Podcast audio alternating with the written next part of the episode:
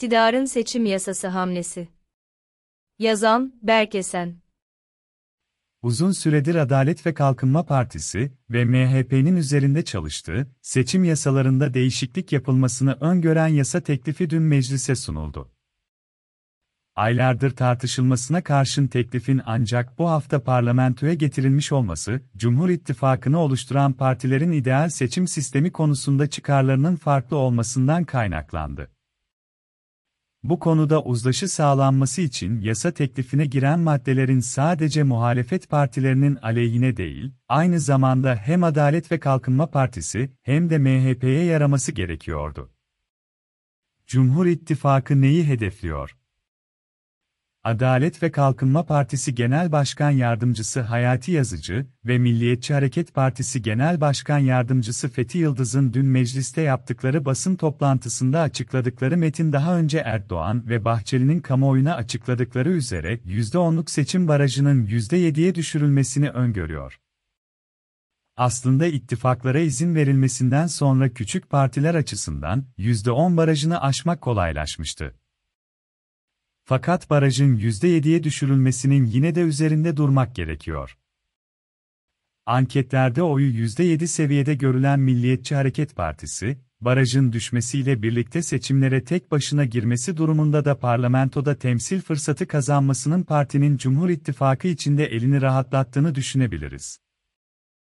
Öte yandan %7 oranı tipten deva ve geleceke kadar yeni kurulan partilerin tek başına seçime girmeleri durumunda parlamentoya girme şansını neredeyse tamamen ortadan kaldırmaktadır. Bu partilerden birkaçının kendi aralarında ittifak kurmaları mümkün ama başarı çıtası yine de hayli yüksek. Seçim yasasında yapılacak değişiklikler ancak bir sene içinde yürürlüğe gireceği için Cumhur İttifakı'nın en azından bir sene boyunca seçime gitmeyi düşünmediğini varsayabiliriz. Tabii ki, siyasi ortamın değişmesi durumunda baskın seçim ihtimali tamamen göz ardı edilemez fakat bu yasa teklifinin erken seçim tartışmalarını şimdilik dindireceğini tahmin ediyorum. Yasa teklifinde Cumhurbaşkanlığı hükümet sistemine geçilmeden önce başbakan, bakanlar ve milletvekillerine getirilen seçim propagandası ve gezilerinde kamu kaynaklarını kullanamayacakları maddesi Cumhurbaşkanının içermeyecek şekilde düzenleniyor. Zaten uzun süredir başta Erdoğan olmak üzere iktidar temsilcileri kamu kaynaklarını kullanarak seçim kampanyası yürütebiliyorlardı. Yeni düzenlemenin mecliste kabul edilmesiyle birlikte bu durum yasal bir hal almış ve diğer birçok konuda olduğu gibi Cumhurbaşkanına bu konuda getirilen ayrıcalık devam ettirilmiş olacak. Özellikle Cumhurbaşkanlığı seçim döneminde Erdoğan'ın kamu kaynaklarını sonuna kadar kullanarak kampanya yürüteceğini ve bunun son derece haksız ve antidemokratik bir durum yaratacağını belirtmek gerekiyor. Meclise sunulan yasa teklifi il ve ilçe seçim kurulu başkanının üye veya yedek üyelerin arasındaki en kıdemli hakimlerden belirlenmesi yerine kurayla seçilmesi kuralını getiriyor. Bu durum son dönemde partizan sahiplerle hakim kadrosuna alınanların seçim kurullarında etkisini arttıracaktır. Muhalefeti bekleyen iki büyük tehlike. Yasa teklifinde özellikle iki önemli değişiklik muhalefet partileri açısından ciddi riskler barındırıyor. Seçime girebilmek için mevcut sistemde olduğu gibi mecliste grup kurmuş olmak yeterli sayılmıyor. Bunun yerine 81 ilin yarısından fazlasında, 41 il, örgütlenmeyi tamamlamak ve seçimlere en az 6 ay kala kongrelerini yapmış olmak yükümlülüğü geliyor. Seçimlere kadar muhalefet partilerinin bu konuda gerekli hazırlıkları yapması için gerekli zamanları var. Fakat görünen o ki, muhalefet partileri sıkıntı yaşamamak için önümüzdeki aylarda kongreye gidecekler. Kurultay süreci ittifak görüşmelerinin devam ettiği bir dönemde parti yönetimleriyle kadrolar arasında oluşabilecek sıkıntıları öne çıkarabilir. Bu durum özellikle CHP içinde çok adaylı il ve ilçe kongrelerine ve parti meclisinin yapısının değişmesine yol açabilir. Parti içinde yaşanabilecek değişiklikler alternatif cumhurbaşkanı adaylarının da öne çıkmasına imkan sağlayabilir. Meclise sunulan teklifte ilçe, il ve büyük kongrelerini üst üste iki kereden fazla ihmal etmemiş olması koşulu geçiyor. CHP Genel Merkezi Kongreleri seçim sonrasına erteleme kararı almıştı birkaç hafta önce. Dolayısıyla CHP'nin yasadan etkilenmeyeceği yorumunu yapanlar da çıkacaktır. Meclis grubu kurmanın seçime girmek için yeterli olduğu maddesindeki değişikliğin özellikle HDP'nin kapatılması durumunda başka bir parti altında seçime girmeyi zorlaştırmak için yapıldığı düşünülebilir. Böyle bir durumda HDP'den bayrağı devralacak partinin acilen 41 ilde örgütlenmesini tamamlaması gerekecek. Başka bir seçenek Kürt siyasetçilerin tip gibi bir sosyalist bir parti çatısı altında seçime girmesi olabilir. Bu tarz ara formüllerin seçmen geçişlerinde ortaya çıkarabileceği fireler bile sonuçların çok yakın çıktığı bir seçimde anlam kazanabilir. Fakat muhalefet partileri açısından asıl önemli nokta milletvekili çıkmasını düzenleyen maddede öngörülen değişiklik olacak. Mevcut sistemde milletvekili sayıları önce ittifakları kale alarak dağıtılıyor ve sonra partilerin bir seçim bölgesinde kaç milletvekili çıkaracağı eğer bir ittifaka girdiyse, o ittifak içindeki oy oranına göre belirleniyordu. Bu sayede ittifakı oluşturan küçük partilerin sağladığı artık oylarla ittifakın büyük partileri kendi oy yüzdelerinden daha fazla sayıda milletvekili çıkarma şansına sahip olabiliyordu. Bu sistemi 2018 seçimleri öncesinde kendisine avantaj sağlayacağı düşüncesiyle Cumhur İttifakı benimsemiş fakat bu madde o seçimde Millet İttifakı'na yaramıştı. Yeni düzenlemeye göre her partinin bir seçim bölgesinde aldığı oy oranına bağlı olarak milletvekili çıkarması ittifaklara katılan küçük partileri olumsuz etkileyecek.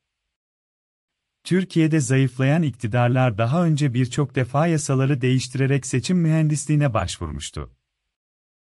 Bu maddede yapılan düzenlemelerin 2018 seçim sonuçları kale alarak yapıldığını ve dolayısıyla ancak o seçimdeki oy oranları muhafaza edilirse Cumhur İttifakı'na yarayacağını belirtmek gerekiyor.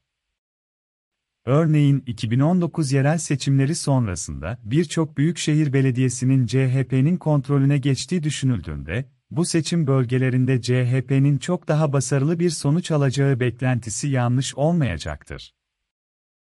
Özellikle İstanbul, Antalya, Adana ve Mersin gibi şehirlerde CHP'nin birinci parti olarak çıkması durumunda bu değişiklik iktidara umduğu faydayı sağlamayabilir. Ayrıca MHP'nin oyunun tek haneli oranlara indiği ve hiçbir bölgede yoğunlaşmadığı düşünüldüğünde, yapılan değişiklikler sonrası MHP'nin çıkardığı milletvekili sayısı da düşebilir. Muhalefet ne yapabilir? İktidarın bu hamlesi karşısında muhalefetin seçimlerde en etkin sonuç alacak formül üzerinde uzlaşması gerekiyor. Bu hiç de kolay olmayacak. Önümüzdeki haftalarda siyasi gündemimizi bu tartışmalar kaplayacak. Değerlendirilmesi gereken ilk konu Millet İttifakı'nın durumu. Seçim yasasında değişiklik yapılması durumunda CHP ve İyi Parti dışında kalan partilerin önümüzdeki seçimlerde milletvekili çıkarmaları hayli güç hale gelecek. Buna karşı en etkili çözüm Millet İttifakı'nı oluşturan partilerin tek bir aday listesiyle seçimlere katılarak meclisteki temsil oranlarını en yüksek seviyeye çıkarmak olacaktır. Fakat çok farklı geleneklerden gelen 6 siyasi partinin, 600 milletvekili adaylığını her bir partiye uygun ve adil gelecek şekilde paylaşması bana hayli zor geliyor. 2019 yerel seçimlerinde bile CHP ve İyi Parti her seçim bölgesinde bunu başaramamıştı. Ama MHP'nin önümüzdeki seçimlere belli bir kota karşılığında Adalet ve Kalkınma Partisi listesinden katılması bu ihtimali güçlendirir. 2018 seçimlerinde Saadet Partisi CHP, Demokrat Parti ise İyi Parti listesinden sınırlı sayıda ismi aday gösterebilmişti. Benzer bir formülün Deva ve Gelecek Partisi için uygulanması düşünülebilir fakat iki partiye ayrılacak kota konusunda iki taraf arasında farklı beklentiler olacaktır. Bu tarz durumlarda küçük partilerin oy oranlarını olduğundan yüksek hesaplamaları milletvekili sayısını belirlemede güçlük yaratacaktır. Ayrıca Deva ve Gelecek Partisi ile CHP arasındaki ideolojik mesafe seçim kampanyası döneminde partilerin kadroları arasında iç tartışmalara yol açarak muhalefeti zayıflatabilir. Nitekim, Cumhur İttifakı'nın bu hamleyi yapmasında muhafazakar seçmenlerin CHP listesi altında seçime girecek DEVA, Gelecek veya Saadet Partisi adaylarına oy vermekten imtina edeceği varsayımı yatıyor. Benzer bir durum bazı CHP seçmenleri açısından da geçerli olabilir. Bu partilerin CHP listelerinden seçime katılmaları durumunda bazı seküler CHP seçmenleri İyi Parti'ye yönelecektir. Üçüncü formül bu sağ partilerin hepsinin belli bir kota verilerek İyi Parti'den seçime girmesi olabilir. Fakat yukarıdaki çekinceler bu durumda da geçerli olabilir. Ayrıca sağ seçmenlerin doğal adresi haline gelmek isteyen İyi Parti rakiplerini güçlendirme sonucu doğuracak bir formüle ev sahipliği yapmayı tercih etmeyebilir. Gündeme gelmesi olası diğer bir seçenek DEVA, Gelecek ve Saadet Partilerinin birlikte ittifak yaparak %7 seçim barajını aşmaya çalışmaları olacaktır. Üç parti böyle bir durumda Haziran 2015 seçimlerinde HDP'nin karşılaştığı gibi sinerji yaratarak beklediklerinden daha yüksek oy oranına ulaşabilir. Fakat anketlere göre bu üç partiden hiçbirinin ciddi bir çıkış yapamadığı düşünüldüğünde, bu seçeneğin baraj altı kalma riski yaratacağını ve barajı geçseler bile oy oranları belli bir bölgede toplanmadığı için çok az sayıda milletvekili çıkarmaya yol açacağını belirtmek gerekiyor. Seçim yasasında yapılacak bu değişiklik Cumhur ve Millet İttifakı dışında kalan partileri de yakından ilgilendiriyor. Millet İttifakı içinde küçük partilerin yaşayacağı sıkıntının benzeriyle Sol İttifak'ın kurulması durumunda HDP dışında kalan sosyalist partiler karşılaşacaklar. Ayrıca başta Ümit Özdağ'ın Zafer ve Muharrem İnce'nin Memleket Partisi olmak üzere diğer merkez ve sağ partiler de barajı aşmak için ittifak kurmayı düşünebilirler. Cumhur İttifakı aylardır beklenen hamlesini yaptı. Şimdi sıra muhalefette.